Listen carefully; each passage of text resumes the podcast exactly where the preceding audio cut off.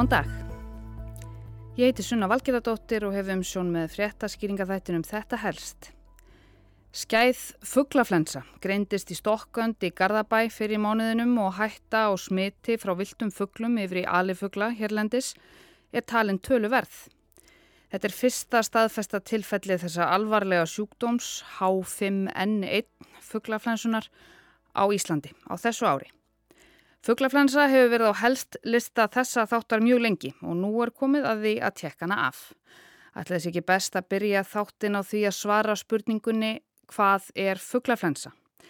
Vísindavegurinn veit auðvita og ég ætla að blanda hérna saman nokkrum greinum þaðan sem og öðrum frá matvælastofnun. Og svo kík ég að segja aðeins á badnaland eða bland nóg er jú til af efni um fugglaflensuna. Já, vegna þess hvað fugglaflensan svo kallaða stefnir í að verða alvarlegt mál þá hefur landlægt. Fugglaflensa er eins og nafnið gefur til kynna influensa í fugglum. Það er til margir undirflokkar fugglaflensu veira sem valda mis slæmum sjúkdómum. Þeim er gerðnan skipt í mikið meinvaldandi fugglaflensu og lítið meinvaldandi fugglaflensu, svæstna fugglaflensu og væga fugglaflensu.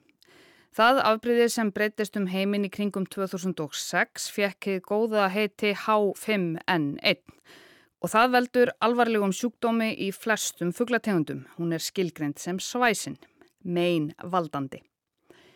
Influensuveirur eru flokkaðar eftir tveimur mótefna vökum. Hemaglutínin sem byrjar á H og Neuraminadase sem byrjar á N. Sem dæmi orsakaðist svínaflensan af influensuveiru sem hafði hemaglutínin af gerð 1 og Neuraminidasa af gerð 1. Hún því heitið H1N1 en fugglaflensuveiran er H5N1 og það þýðir sem sé hemaglutínin nr. 5 og Neuraminidasi nr. 1.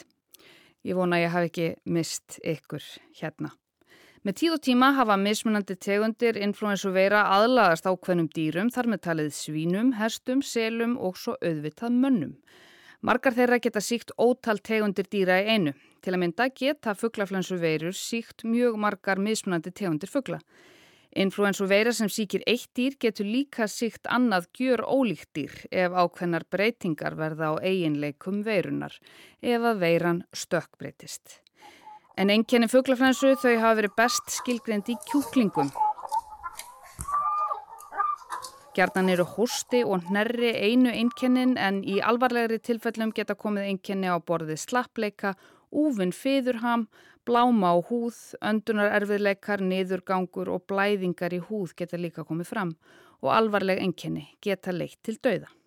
Og fugglaflensa er almennt bráð smittandi og dreifing á sér fyrst og fremst stað með svokölluðu saurmunn smitti. Það er smittandi veiruagnir skiljast út með saurfugglana og berast yfir í aðra fuggla með saurmenguðu vatni, fæðu eða öðru smittefni. Og það er talið merkilegt að veiruagnir fugglaflensu geta haldist smittandi í vatni um margra mánada skeið. Og vissir fugglar dreifa fugglaflensu betur en aðrir og þar ber helst að nefna vatnafuglar sem stunda farflug. Af þessu leiðir að dreifing fugglaflensu er sérstaklega ábyrrandi á vorin og haustin þegar farfuglar eru helst á flugi. Og andfuglar, þar að segja endur, gæsir, svanir og svo leiðis virðast vera helsta uppspretta fugglaflensu veira í náttúrunni.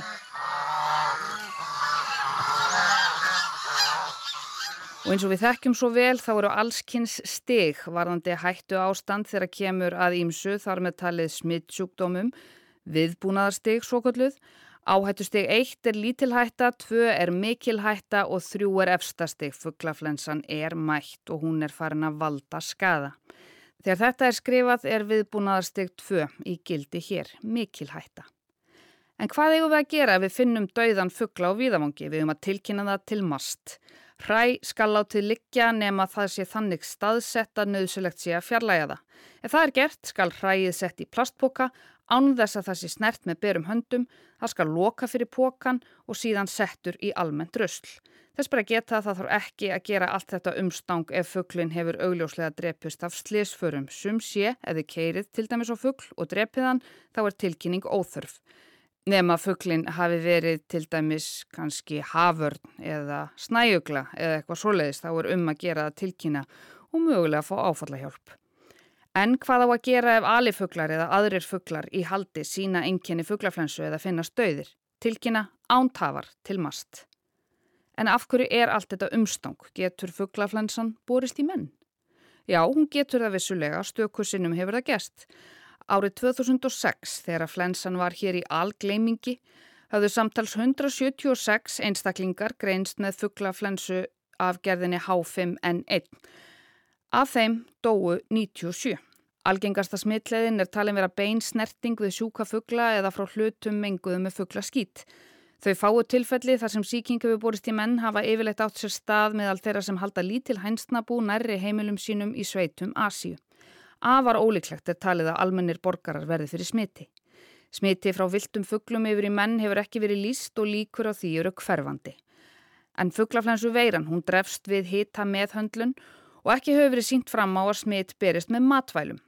Þar sem fugglaflensu tilfelli í mönnum eru fátíð eru einkennin ekki að fullu þekkt. En þau geta meðal annars líkst venjulegum flensu einkennum eins og hita, hósta, hálsbólgu, verkjum í vöðvum, síkingu í augum, lúnabólgu og svo geta líka komið fram öndunar erfiðleikar. En það var ástæði fyrir því að allar þessar greinar sem ég var að vittna til voru skrifaðir á vísindavefin 2006. Fuglaflensan var bara töluvert mikið í fréttum og fréttatengdum þáttum. Gefum nú boltan yfir til samfélagsspeglana í spökstofunni voru 2005. Já, vegna þess hvað fugglaflensan svo kallaða stefnir í að vera alvarlegt mál þá hefur landlæknisembætið ákveðið að hleypa stokkunum auðlýsingaherrferð þar sem brínt er fyrir fólki að vera vakandi fyrir fyrstu enginum flensunar. Hvað er pabbi? Ég bara veit ekki, hann er aldrei vaknað svona stemma áður. Hvað vaknaði hann undan þér? Já, og þannig er hann. Hvar? Þannig að gerðingunni. Hvað er hann að gera? Hann... Ó, nei! Við erum vakandi fyrir fyrstu einkennunum, landlæknir. Og svona var speilin, alvöru speilin í janúar 2006. Fuglaflensan breyðist hægt út. Það eru stökkbreytingar í veirunni og menn óttast að einn þeirra verði þannig að veikinu fara að berast millir manna. Nú smitast menna fuglum. Samtals hafa um 150 smitast, svo vita sé, þar af hafa hátt í 80 látist úr veikinni. Fuglaflensan er komin til Evrópu og fyrstu döðsföll utan Asíu eru í Tyrklandi. Í östuluta landsins hafa þrjú sískinni látist, 11, 14 og 15 ára og 6 ára bróður þeirra er á sjúkrahúsi. Vísindamenn höfðu þarna mestar ágjur af því að fuglaflensan geti stökkbreyst og smittast á milli manna og flensan þá orðið að heimsfaraldri. Fjölmiðlar fjölluðu ítarlega um þennan mikla skadvald. Karsljósið var með þrefaldan þátt helgaðan fugglaflensunni þar sem var rætt við innlenda og erlenda sérfræðinga og spurningum áhyggju fullra áhorvenda var svarað. Kompás var líka með heljarmikinn þátt um sjúkdóminn sem vakti töluverð viðbröð það var meira sér stopnaður barnalandsþráður eftir hann. Notandi að nafni Rífa Lewis sem var endar einn aðalpersonan í leiðarljósi, Guiding Light spyr þann 23. janúar 2006. Hvað ætlið það að gera í sambandi við þessa fugglaflensu? Ég er bara að spá hvort fólk sé orði hrættara eftir kompástáttun í gær og ekki stóð á svörum. Úf, fekk nett áfall í gær. Helst myndi ég vilja fara að hamstra bara strax. Það er ekki langt í vorið og þá koma farfuglarnir og ég er bara dörullur hrætt við þetta. Ég ætla að vera meðvituð um hvað gæti gerst. Ekki að hugsa þannig að það gerist ekkert svona á Íslandi. En ég ætla ekki að byrja að hamstra mat, bara fylgja skrant með og grípa til aðgerða ef með þarf. Eftir að hafa séð þáttinn er ég kannski ekki hrættari en hann opnaði allavega augum minn fyrir því hversu alvarlegt þetta getur orðið í verstafalli og hversu stutt gæti verið í faraldur ef veiran stökkbreyti sér sem heilmiklar líkur eru á. Ég er nú ekki byrjuð að sapna mat eða skipulegja einangrun en ég er allavega orðin meðvitaðri um hvað máli snýst og hvernig hlutinir gætu orðið finnst þið rétt að taka þessum fréttum alvarlega? Ég brjála hrættu þessa flensu. Ég er búin að ákveða að byrja mig upp á mat og öllu sem maður þarf og flytja í sumabústæðin hennar mömmu með börni mín og mamma ætla líka með mér. Já og allir þeir sem vilja með að koma innan fjölskyldunar. Svo bara algjör einangrun. P.S. ég er ekki að djóka. En síðan eru liðin nokkur ár við fengum vissulega heimsfaraldur sem þessir bland notendur voru heldur betur búinar að búa sig undir nema ekki vegna fugglaflensu Og svo þegar hann um það byl var að búa sér til brottfarar þannig séð í mars 2022 voru fyrirskipaðar hertar varnar aðgerðir hér til þess að fyrirbyggja að fugglaflensa berist í alifugla. Þær aðgerðir eru enn í gildi. Þetta var gert það sem að talið var að auknar líkur væru á að skæðar fugglaflensu veirur bærust til landsins vegna mikils fjölda tilfella í löndum þar sem íslenskir farfuglar hafa vetursetu eða viðkomum á leið til landsins. En í apríl greindist svo fugglaflensu veira af gerðinni H5 í viltum fugglum á Íslandi og einni í heimilisænum á einum stað. Á sama tíma voru staðfæstar skæðar fugglaflensur H5N1 muniði í Haverni sem fannst döður í oktober 2021 og þá var viðbræðs áallun mast vegna alvarlegra dýrasjúkdóma virkuð viðbúnaðarstig 3. En þetta var í fyrsta sinn sem sjúkdómurinn greindist í viltum fugglum á Íslandi og í raun í fyrsta sinn sem hún greindist hér yfir höfuð. Þetta síndi að flensan væri orðið nokkuð útbreytt meðal viltra fuggla á Íslandi og að öll tilfellin hafi verið fugglaflensu veira af gerð H5N1. En miða við upplýsingar frá faraldrei fugglaflensu í Evrópu er mjög ólíklegt að almenningur sé hættu á að fá fugglaflensu vegna þeirra afbreyða sem nú eru í dreifingu. Hins vegar er ítarleg smitgátt, ég ætla ekki að rifja upp hvað það er, það vitum við öll, við meðhöndlun fuggla nöðsynleg til þess að lámarka hættuna eins og hætt er. Þessi frétt fór í loftið 22. apríl í fyrra. Tilkynnt hefur verið um fjölda döðra fuggla til matvælastofnunar allt frá Snæfellsnesi, austur og Hortnafjörð. Tvo döða fuggla mátti sjá á Garðskaga í dag. Eftir að matvælastofnun tilkynnt á fyrstu daginn langa að fugglaflensa hefði verið staðfest í þremur viltum fugglum undanfarna daga hefur fólk haft samband við fréttastofu af Reykjaneskaga og sagt frá ófunnu mörgum döðum fugglum sem það hafi gengið fram á, bæði súlum og æðarfuggli. Eitt fugglaflensusmiti sem matvælastofnun staðfesti er einmitt úr súlu. Svo fannst við Strandarkirkju í Selvogi í Ölfusi. Annars smitið var í Heiðagæs við Hortnafjörð og það þriðja í Hrafni á Skeiðum í Árnesíslu. Sá hefur líklega smitað hænsni þar á Bóndabæ og var þau verið aflífuð. En allt fjall þetta svo litið í skuggan af riðunni sem kom svo og auðvitað koronavirunni. Þanga til bara fyrr í þessum mánuði þegar það bárust fréttir frá maturastofnun um að skæða típana fugglaflensunni þessar sem við viljum alls ekki sjá H5N1 Hún hefði greinst í Stokkund sem fannst í lok mars í húsgarði í Garðabæ. Niðurstöður bárust frá tilraunastöð HÍ í meinafræði að keldum 8. mæ og þetta er fyrsta greining á skæðri fugglaflensu í ár.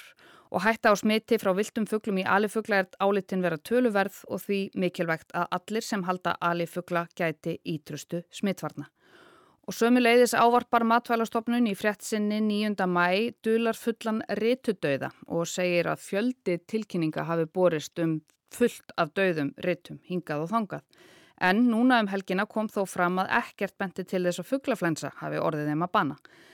Brigitte Brugger, sérgreina dýralegnir hjá matvælastofnun, segir í samtali við Rúf núna 20. mæ að engar fugglaflensu veirur hafi greinst í þessum sínum og ensi óljóst hvað dróð þennan stóra rituhóp til dauða. En matvælastofnun byður almenning áfram um að upplýsa stofnunina um funda á veikum og dauðum viltum fugglum. Frá þeim svæðum þar sem ábrendi dauði er í réttum er æskilegt að fá tilkynningu ef aðrar tegundir en réttur finnast svo hægt sé að taka frekari síni og til að kanna útbreyslu dauða í mismunandi fugglategundum. En nú hef ég reynda að útskýra fyrir ykkur fugglaflensuna í gott korter og vonandi eru þið einhverju nær en svo eru þetta líka bara hægt að gera þetta svona. Ég heiti Kolbrún og nú verða sagðar krakkafréttir. Fugglaflensa er stórt yfirheiti yfir smitsjúkdóma í fugglum. Til eru margar gerðir af fugglaflensu sem eru flokkaðar eftir alvarleika og smithættu. Matvælastofnun, sem sér til dæmis um eftirlit með mat og velferð dýra, segir að veiran sem fundist hefur undanfarið í viltum fugglum hér á landi sé ólíkleg til að smitast í menn. Því eins og dæminn sanna þá þarf stundum bara að útskýra hlutuna fyrir okkur eins og við séum krakkar. Ég meina þau skiluðu 8,4 miljónir. Já, nei, þetta er nú ekki alveg rétt hjá þrjur, sko. Jú, jú, jú, þau skiluðu 8,4 miljónum í fyrra. En það sem þú ert að reyna að segja, er sem það. Ég skil ekkert hvað þau eru að tala um. Samt horfið ég á frettinnar í gerð. Skildi bara ekkert í þessu. Veiði kjöld. Hvað í anskotarum eru veiði kjöld? Þá er komið að krakkaskýringu. Í dag ætlum við að fræðast um svokullu veiðigjöld. Ef sjómenn vilja veiða fisk, þá þurfa þeir... Svona spennum pils. Þetta með veiðigjöldin, ég meina, þetta er alltaf bara gjald sem er tekið af, hérna, veitum afla. Stundum leiðir rétt fyrir slægingu eða, eða aðra aflanýtingu fyrir löndun. Ef við hækkum þetta ómikið, þá er hætti því að, að smarri fyrirtæki og sérstaklega þau út á landi bara leggja upp löfana. Þannig að það viljum við ekki. Nei. Góðu punktu, Dreyfun. Takk fyrir hár réttið. En hvað segir um þriðja orkupakkan?